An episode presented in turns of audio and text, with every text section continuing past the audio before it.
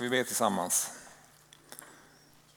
Herre, vi tackar att vi får komma inför dig och inför ditt ord. Tack för vad du gör i Afrika, Centralafrikanska republiken. Tack för vad du gör här och tack för att du är här nu och vill tala till oss genom ditt ord. Amen. Ja, ni har ju hört mig här, jag har presenterat mig några gånger. Jag heter fortfarande Rickard. Jag har haft jullov och eh, det här är första gången efter jul och nyår som jag då predikar här. Och jag känner mig lite peppad att komma igång igen här i kyrkan. Eh, ni som har följt mig under något år vet att jag har haft lite hälsoproblem och den skuggan över mitt liv är kvar på något sätt. Eh, det är inte löst än och just nu så är liksom avslutningen med operationerna i rumpan skjutet på framtiden så vi får se när och var det händer. Men jag kan leva som vanligt, vilket jag är väldigt glad över. Och jag satsar liksom på att få se den här församlingen få blomstra och växa här under våren. Det är ett nytt år. Det har ni märkt, det har redan gått två veckor så att nu har man slut, nästan slutat skriva 2022 när man ska skriva något någonstans. Så här. Börja skriva 2023 igen. Det är många nya möjligheter för oss. Det är nya människor som dyker upp gudstjänster, nya människor som flera av er är här som vill komma med i våra hemgrupper. Det är vi jätteglada för och på många vis så är vi en växande församling. Men vi är också i en tid med många utmaningar. Alltså, ni vet världens utmaningar omkring oss, då behöver jag inte påminna om det bara läsa dagstidningarna så, så ser vi att vi lever i en värld som verkligen behöver Jesus mer än tidigare. Innan jag går in i själva predikandet så är det tre tankar som jag vill dela inför det här året som jag tror liksom ligger på Guds hjärta för oss och utifrån sånt som vi tror att vi har lyssnat in från Gud tidigare. Vi tror att Gud vill fortsätta att resa upp människor till hjältar. Alltså det är en bild från första Samuels bok där David samlar brokig skara människor i Adullams grotta och formar dem till sina hjältar och sin armé. Men vi tror att vi, vi ska fortsätta att träna och utrusta människor att följa Jesus idag i sin vardag i Stockholm. Och att vi i det också får göra oss beredda på att sända människor till mission och pionjärarbete. Kanske i Afrika, kanske någonstans närmre eller ännu längre bort. Det andra är att jag tror att vi behöver förbereda oss på att se människor komma till tro. Så vi får sådana signaler när vi ber och från lite olika håll att människor är öppna för evangeliet. Och jag tror att vi som församling behöver börja göra plats för människor i våra hjärtan och i våra liv. Människor som kommer till Jesus, som har behov av Jesus och som har andra sorters behov med sig. De behöver vi göra plats för. Och I den här tiden som vi lever i omvärlden med alla de utmaningarna så tror jag att Gud kallar oss att lära känna honom ännu mer och på, kanske på nya sätt och lära oss att lita på honom i nya situationer, på nya områden, i nya omständigheter. Ni vet, det, kan, det kan vara lätt att vara trygg med Gud i ett område där man redan är trygg. Men om man flyttas, om det händer stora saker i ens liv eller man flyttar till en ny stad så är man helt plötsligt inte riktigt lika trygg längre. Jag tror att vi kommer att få lära känna att Gud är god och trofast på fler områden i våra liv och vi ska förbereda oss för det. Och det här är också en grund till det temat som vi har här nu då som handlar om vår identitet tillsammans, vilka är vi då? Så vilka är vi? Har du tänkt på att vi, liksom, ja men vi är väldigt individualistiska, jag ska återkomma till det. Så jag tänker, det viktigaste med gudstjänsten är att jag är här, eller hur? Så tänker vi allihop, jag kom i tid nästan och så är jag här. Men, men vem är det som sitter tre rader bort? Alltså vem är den här personen i vitt här framme till exempel? Hon heter Maria kan jag säga för er som inte känner henne. Hon är en av våra församlingsledare så jag vågar peka ut henne. Så. Men, men vem är det som sitter här borta? Och varför är den personen, just den personen här idag? Och vad har Gud gjort i den människans liv som jag kan behöva höra, kanske lära mig något av? Och vad har Gud gjort i mitt liv som den personen behöver höra? Alltså det är en del av det här att vara tillsammans. Vi har ju en fantastisk podd som jag passar på att göra reklam för här som, som heter Vardagstro. Den kan du leta upp där poddar finns och där finns det nu näst, ja, 70 avsnitt med berättelser om människor i församlingen och deras erfarenheter av Gud. Så det kan man verkligen lyssna på. Men det här med att vara tillsammans. Den här predikan kommer att handla om Guds folk. Det betyder ju lite mer än att vi bara som enskilda personer kommer tillsammans ett par timmar varje söndag och andas samma luft och sjunger samma sånger. Alltså det, det, finns ju något mer i tillsammans än att bara dyka upp bredvid varann en stund. Så bredvid varann är inte så dumt. Alltså det är trevligt att sitta och ha några på sidan om och känna att jag inte är helt ensam. Men tillsammans är ju djupare än att bara leva individuellt bredvid andra. Utan det handlar om att dela något med andra. Och jag tror att det här är väldigt, väldigt viktigt för att förstå vem Gud är, förstå vår gudsrelation. Och för att också jag ska förstå vem jag är och hur jag kan relatera till Gud. När vi då förberett den här terminen så ville vi börja att tala om här idag om Guds folk. Jag ska läsa tre korta bibeltexter som ni gärna får slå upp om ni har biblar med er eller eh, mobiltelefon. Den första är från första Petrus 2, vers 9 och 10. Men ni är ett utvalt släkte, ett kungligt prästerskap, ett heligt folk, ett Guds eget folk för att förkunna hans härliga gärningar. Han som har kallat er från mörkret till sitt underbara ljus. Ni som förr inte var ett folk är nu Guds folk. Ni som inte hade fått barmhärtighet har nu fått barmhärtighet.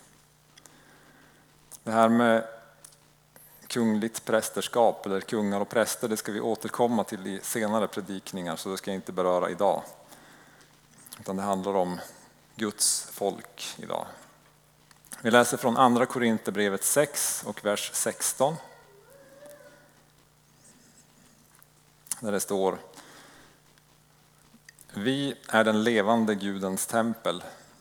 För Gud har sagt Jag ska bo hos dem och vandra bland dem och vara deras Gud och de ska vara mitt folk. Och så vill jag läsa från Uppenbarelseboken 21 och vers 3. Ger bibelbläddrarna lite tid att prassla sig fram till versen. Jag tycker det är mysigt när det prasslar lite så här i kyrkan. Se, nu står Guds boning bland människorna. Han ska bo hos dem och det ska vara hans folk och Gud själv ska vara hos dem. Det sista är ju en profetisk bild på det som kommer. Guds eget folk, det är det vi är. Vi är Guds folk.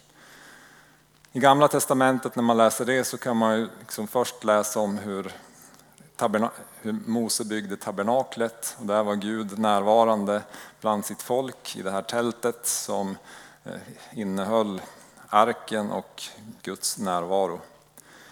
Sen läser vi om de olika templen som byggdes som var platsen för Guds närvaro och liksom själva eh, punkten på jorden där Gud fanns och mötte sitt folk och ledde sitt folk.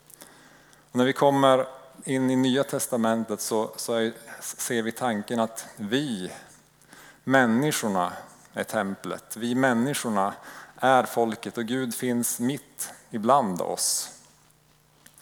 Eh, fast vi inte kan se honom. när, vi, när, vi, när vi läser många bibeltexter, hela hösten så pratade vi om min min Jesus och min far och min, min ande. Alltså vår relation med, med, med Gud, alltså min personliga relation.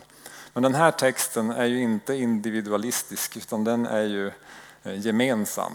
Alltså det är en tillsammanstext. Och att vara Guds folk är ju inget man gör själv. För så länge jag är ensam så är jag inte ett folk. Jag är en person i sådana fall. Och det här är ju no därför om vi ska vara Guds folk så behöver vi varann. Det här är väldigt basic. Eh, jag läste för några dagar sedan en jämförelse mellan afrikansk och svensk kultur. Ganska generellt så här. Om jag försöker beskriva det så, så är den afrikanska kulturen, det ni såg på bilderna här till exempel, det är en kollektiv, alltså en gemensam kultur. Och det betyder att det är viktigt att jag tillhör en familj, en stam, en grupp, ett folk. Och att i stort sett så är det andra som gör de viktiga valen i mitt liv. Och det viktiga för mig är att jag lever för gruppen. För när det går bra för gruppen, för familjen, för stammen, för folket, så går det bra för mig. Alltså det, det är den kulturen. Så här. Om, man, om man tittar på den svenska kulturen så, som är väldigt individualistisk så, så ska jag själv få bestämma. Jag vill bestämma vem jag är, min identitet. Och jag väljer själv vilka grupper jag vill vara med i eh, utifrån vad jag själv gillar. Och jag själv väljer och det är jag som är i centrum. Och det viktiga i en grupp är att det går bra för mig. Och om det då går bra för alla individer så går det bra för gruppen. Så här.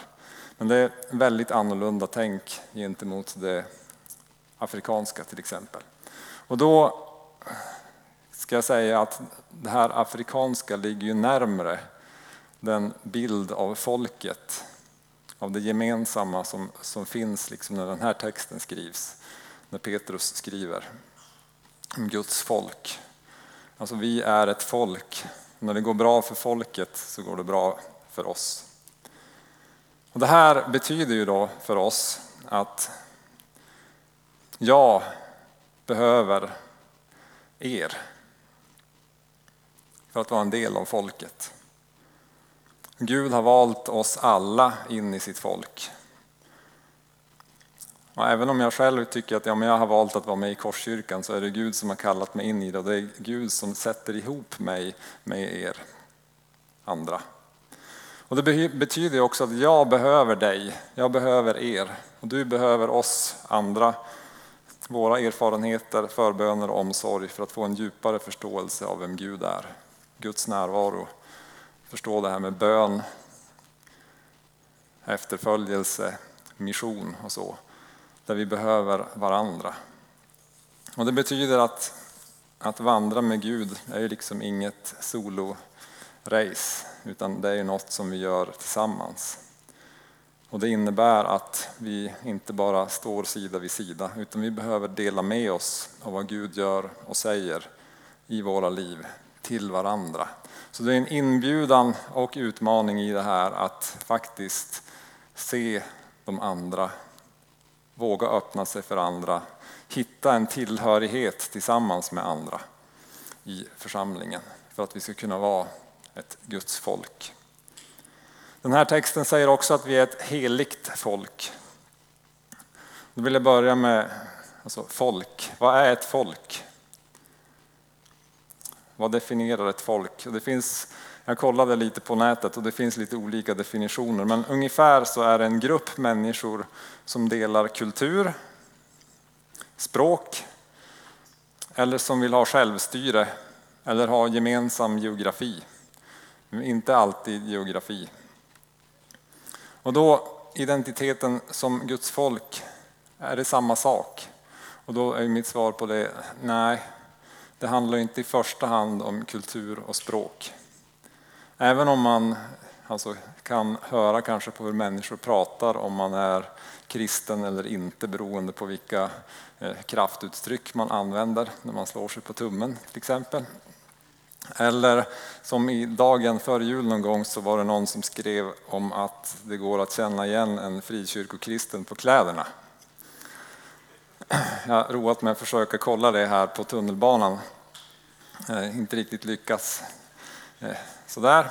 Eh, och det var beskrivet hur liksom en frikyrkotjej 2022 i december skulle se ut liksom för att vara eh, så här så att man skulle känna igen henne. I kommentarsfältet någonstans på Facebook också så försökte man beskriva hur en, en, en medelålders man också skulle vara klädd och det är så här. så, så vet ni, liksom, bomullströja, skjorta. Det skulle vara chinos men de var i tvätten så det blev jeans idag. Så, så vet ni hur man ska se ut. Jag skojar förstår ni. Eh, men det är inte klädsel eller språk i första hand, utan det är ju det vi ska bli igenkända på är ju att vi är ett heligt folk. Och vad betyder heligt? Om man är helig? Gud är helig. Är du och jag heliga? Helighet handlar om att delvis om att vara utvald och avskild för Gud. Motsatsen till helighet är att vara syndig. Att vara helig handlar om renhet. Och i, alltså, det handlar inte om att ha alltså, nytvättade kläder utan det handlar i, i bemärkelsen om att vara enkelspårigt inriktad på Gud. Att Gud liksom får eh, hela tiden göra mig ren. Och helig blir man enligt Nya Testamentet och enligt Bibeln genom vad Jesus har gjort för oss. Så det är inget vi åstadkommer själva i första hand utan det är genom vad Jesus har gjort för oss på korset som vi blir rättfärdiga, som vi blir heliga, som vi får del av det Gud har gjort. Som vi får del i Guds rikets kultur, kraft, kärlek, nåd, sanning och så vidare. Och det här är ju förstås eh, något som Gud gör i oss var och en, men också något som Gud gör i oss tillsammans. Och det, här, det finns liksom en profetisk dimension i den heligheten och det är ju att en dag så kommer vi vara fullständigt heliga och Gud kommer att vara fullständigt närvarande bland sitt folk. Idag är vi inte riktigt där. Det är liksom den här Guds rikes tanken redan nu men ännu inte. Men Gud är närvarande i folket, Gud är närvarande i dig och mig. Och bara det är liksom en profetisk bild av vad som kommer att ske en gång. I den här texten i första Petrus brev 2 så står det också om våran uppgift, eller varför Gud har gjort oss till sitt eget folk. Och det är för att förkunna hans härliga gärningar. Alltså Gud samlar ihop ett folk för en uppgift. Det är inte bara för att eh, det är kul att ha många människor omkring sig. Så det tänker jag är en, en del. Alltså Gud älskar alla och Gud vill ha alla sina barn nära sig. Men Gud har också en uppgift för oss tillsammans. Och det, ibland så tolkar vi det här så individuellt eller individualistiskt så att det kan bli lite jobbigt. Om jag tänker att jag ensam ska förkunna Guds härliga gärningar så kan det bli lite tufft. Men om vi tänker att vi kan göra det tillsammans så är det en annan sak. Och I det här med att förkunna Guds härliga gärningar så är en del i att vi gör det med ord. Att vi berättar om Jesus. Att vi predikar om vad han har gjort på korset men också att vi delar med oss av vad han har gjort i våra liv. Där vi med ord förmedlar budskapet om Jesus. Att Gud är så god att han sände sin son Jesus hit till jorden för att dö för våra synder, för att uppstå igen och för att ge oss evigt liv. För att ge oss nåd och barmhärtighet till både dig och mig och till andra människor som inte kunde förvänta sig det. Men det handlar också inte bara om ord utan det handlar också om att med våra handlingar visa vem Jesus är. Att förmedla barmhärtighet till människor, att förmedla nåd, att förmedla helande, både i församlingen till varann men också till människor utanför som inte är en del av Guds folk. För de behöver få möta Guds kärlek och omsorg genom oss. Och här har vi också den dimensionen av Guds kraft. Att vi tillsammans får förmedla Guds kraft till människor. Under perioden som jag var pastor i Luleå så var det vid några tillfällen när vi som församling enade oss att be för olika böneämnen. Och vid ett tillfälle så var det en av mina arbetskamrater som hade en släkting som fick ett barn med en förmodad hjärnskada. Och hon kom till oss och sa, vill ni be för det här barnet? Och vi, vi bad. Och eh, efter några veckor så ja, fick vi veta att nej, men det, allt gick bra och den här liksom, hjärnskadan var förmodade hjärnskadan var inte där. Så det här barnet var friskt. Och det blev liksom ett vittnesbörd in i den familjen om Guds väldiga gärningar. Att Gud är god, att Gud har omsorg, att Gud svarar på bön. Och det här behöver vi fortsätta att hjälpas åt med. Självklart att vi ska vara vittnen själva i vår vardag men också att hjälpas åt tillsammans, att stå tillsammans, att be tillsammans, att möta människor tillsammans. För det är ju mycket roligare att göra det tillsammans med andra. Och att få faktiskt göra Guds uppgift tillsammans. Okej, okay, tänker du, so far so good, men hur platsar jag i det här folket? Det här är ju, eh, ska man liksom förkunna och så ska man vara öppen och så ska man berätta om allt vad Gud har gjort. Och så sitter du där och tänker att ja, men jag suger som predikant eh, och ännu mer som förebedjare. Eh, och då har jag inte ens nämnt liksom de här olika skuggorna som finns i mitt liv som både är många och långa och svåra att fånga. Och mörkret som dröjer sig kvar i mitt liv. Och så det där med helighet. finns det ju mycket för Gud att göra. Fortfarande i mitt liv. Vad, vad, vad, alltså hur, hur hänger det här ihop? Hur kan Gud liksom vilja ha mig in i det här? Och platsar jag verkligen när vi pratar om Guds folk på det här sättet? Och alltså I de här verserna så är det två saker som, som jag tycker är spännande som Petrus trycker in där på slutet. Det ena är att han skriver att han som har kallat er från mörkret till sitt underbara ljus. Alltså att bli kallad från mörkret till ljuset. Alltså det är Gud som kallar oss, Gud kallade dig till sitt folk redan när du var i mörkret. Alltså det är inte när du har, när, när du har omvänt dig, när du har fått allting på plats som Gud kallar dig, utan Gud kallar, kallade på dig, eller kallar på dig eh, där du var. I mörkret. In i sitt underbara ljus. Och det tycker jag är spännande. Alltså vi har alla olika resor bakom oss. Men alla har vi på något vis fått se ljuset. Alla kristna har på något vis fått se ljuset, fått uppenbarelse om att Jesus är Messias, Jesus är Herre och vad han har gjort för oss. Och vi har kallats att omvända oss, att tro på honom och att följa honom. Och det är att när vi ger den responsen som det klickar ihop och som ljuset lyser in i våra liv så det är, ju, det är vad Jesus har gjort för oss som är det som eh, ger mig rättighet att vara en del i Guds folk. Hans inbjudan till mig, hans inbjudan till dig. Och det andra som nämns i den här texten det är att vi har tagit emot barmhärtighet.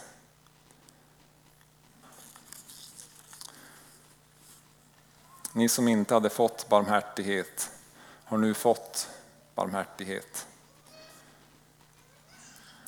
Så Gud ger oss som tur är inte det vi förtjänar utan det vi behöver. Det är väldigt bra.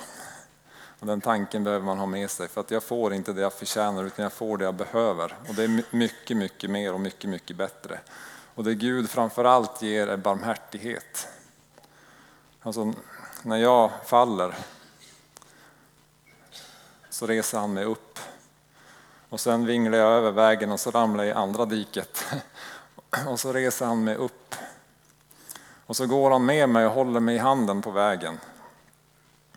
Och sen så kanske jag har sår i mitt liv. Jag har fått sår när jag ramlade både i det diket och i det diket. Och där har andra också ramlat över mig och sparkat på mig för de har också ramlat i diket och fallit. Och så visar Gud sin barmhärtighet till mig i det och vill förbinda mina sår. Både de jag har orsakat själva och det andra har orsakat in i mitt liv. Och Gud tröstar, Gud vyssjar. Eh, jag fick besöka mitt barnbarn igår igen. Han började gråta när jag höll i honom. Eh, men sen så kom mamma och vyssjade och då blev allt bra. Och det är ju en, alltså, det är Guds barmhärtighet, Guds kärlek, Guds omsorg. Plåstrar om ibland, helar ofta, när vi inte orkar ge Gud kraft och kommer med ny mat. Bibeln säger att det är Guds godhet som för oss till omvändelse. Och vi är Guds folk, inte för att vi har gjort en massa bra saker, utan för att vi har fått Guds barmhärtighet. Det är det som ska definiera oss. Att vi har, att vi har fått barmhärtighet. Vi har sett ljuset, vi har fått uppenbarelse och vi har fått barmhärtighet av Jesus.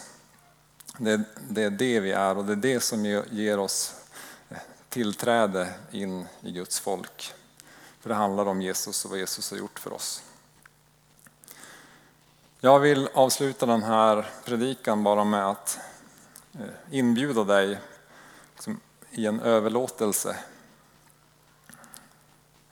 Både att ge respons på kallelsen in i ljuset, kanske aldrig har tagit steget från mörkret in i Guds ljus, då får du göra det. Du kanske också känner att skuggorna är stora i ditt liv. Och då är det också en inbjudan att komma närmre Jesus. För ju närmare liksom under solen man kommer desto mindre blir skuggan. Alltså när solen står i zenit så är skuggan i princip obefintlig. Vi behöver komma in under ljuset, under Jesus. Det är en inbjudan dit. Det är också en inbjudan att ta emot barmhärtighet, förlåtelse, inre sår. kommer att öppna upp för förbön lite längre fram här. Vi har själavårdare på plats i rummet. Där du kan få möta Guds barmhärtighet. Och det är också en inbjudan att bli en del av folket och kliva in tillsammans med oss i församlingen in i den kallelse som han har för oss här i Korskyrkan. Vi ber. Herre, vi tackar dig för att det är ditt folk. Tack för att du är vår Herre Jesus, du är vår kung. Det är du som har inbjudit oss. Det är du som har visat oss vägen och det är du som har visat oss barmhärtighet. Och herre, nu ber vi för resten av den här gudstjänsten att du fortsätter att lysa med ditt ljus över oss och visa din värme och din barmhärtighet emot oss. I Jesu namn. Amen.